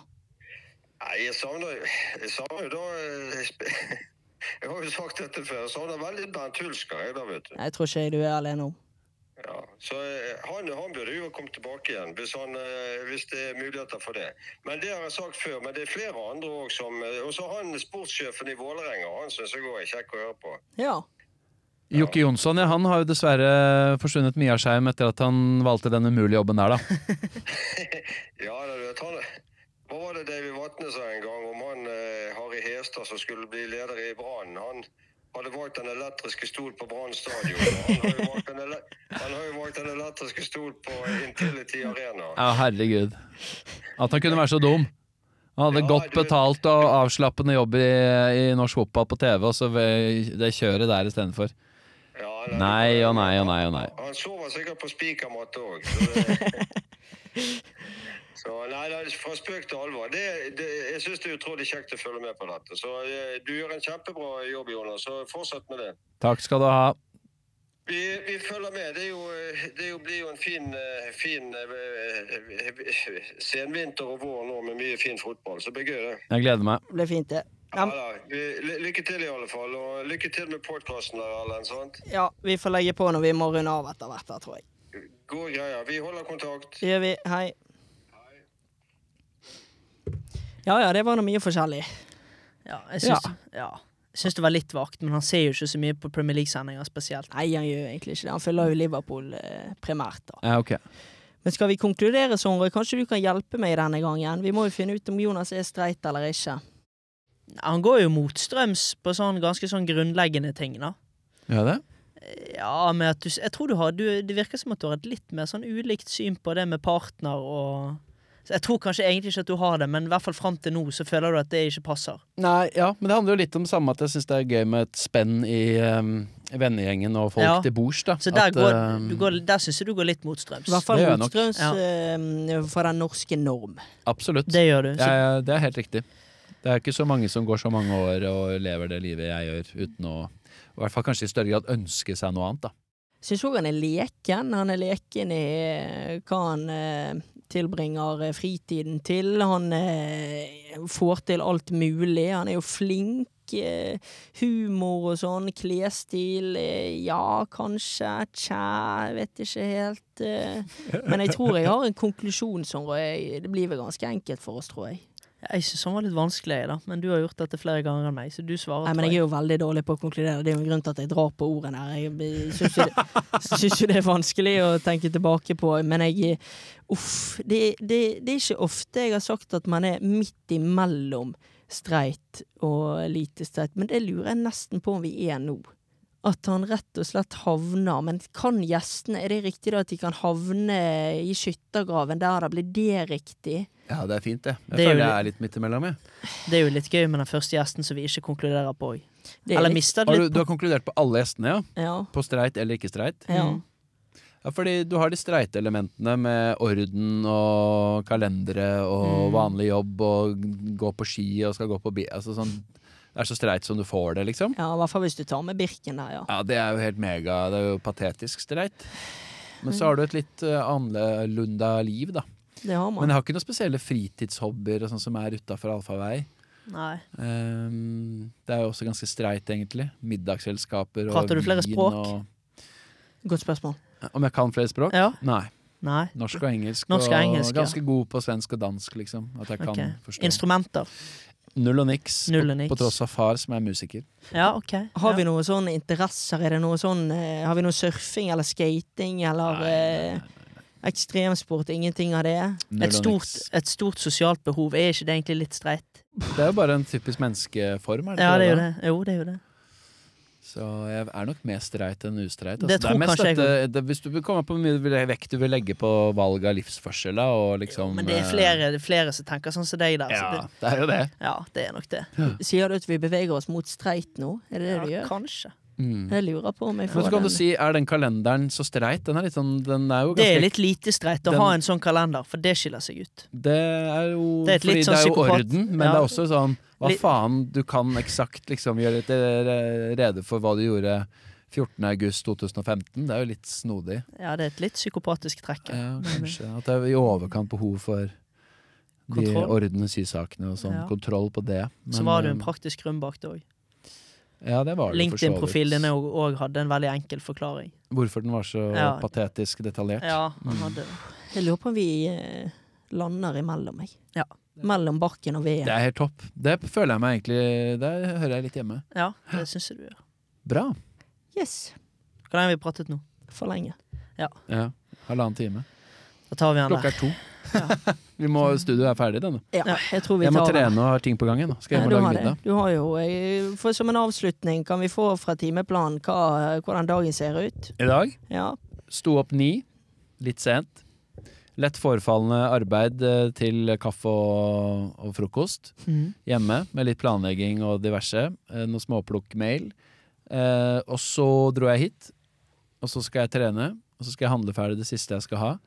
Og så skal jeg begynne å preppe morgendagen, for i morgen skal jeg ha bursdagsselskap med familien. Da får Oh. jeg eh, 17 voksne og 6 unger hjem. Oi, oi, oi. Og det er jo da etter en kveld i dag hvor vi skal ha den tacorunden, så det må jo lages mat til det òg. Og så skal den kvelden fullføres med mye vin og skjenk og god prat. Ja. Eh, og så tror jeg min søster, som er blant gjestene i dag, skal sannsynligvis sove over, fordi hun har lang vei hjem til Bærum, og det blir dyrt med taxi, og hun skal likevel komme i morgen, så why not? Og hun har plassert ungen sin hos uh, mora og faren min på Briskeby, så det passer jo bra. Så da i morgen så blir det vel å rydde unna litt, spise litt mat og daske ut litt rødvin av kinnene, og så komme seg opp på Palestina-demonstrasjon på ja? Youngstorget. Jeg er veldig aktiv der. ja, jeg ser det på Instagram. Ja. Jeg har egentlig vært i 25 år, så det ligger mitt hjerte nær. Men um, så i forlengelsen av det så kommer da gjestene ganske tidlig, i og med at det er en del barn. da. Så vi begynner, de som vil, eh, i familien eh, på Palestina-demonstrasjonen, og så eh, fortsetter med bursdagsfesten etter det. Ja. Og så blir det jo en lang, lang kveld, sikkert lørdag òg, da. Det har noen tørste folk i familien. Både svogere og kusiner og, og søstre som er glad i å ta seg et glass. Og de blir, om det varer fra halv fire til, eh, til halv fire, så skal du ikke se bort ifra det. Da får du en sånn fin lufting der før besøket. Ja, Det er litt greit, med tanke på dagen før. ja det er sant, det. Riktignok skal søsteren min overnatte, da, så jeg får se litt hvordan vi løser det. Men uh, Ja, men da kan jo hun preppe litt mens du kanskje du kan gjøre det. Det er jo fin- ja. Vel, vel. Det gleder jeg meg veldig. Så jeg gå på ski på søndag. Ja. Vi gidder ikke mer nå, gjør vi det? Nei, Nei. det er glimrende, det. Takk for praten. Veldig hyggelig at du kom. Yes. Ha det. Hei. Å, herregud. Ja, det kan du si. Syns dere det er slitsomt å spille inn? Nei. Men nå- nå ble Nei. det jo kanskje akkurat litt lenge. Akkurat litt lenge. Ja, det ble litt, det er- det ble litt for lenge. Lite streit.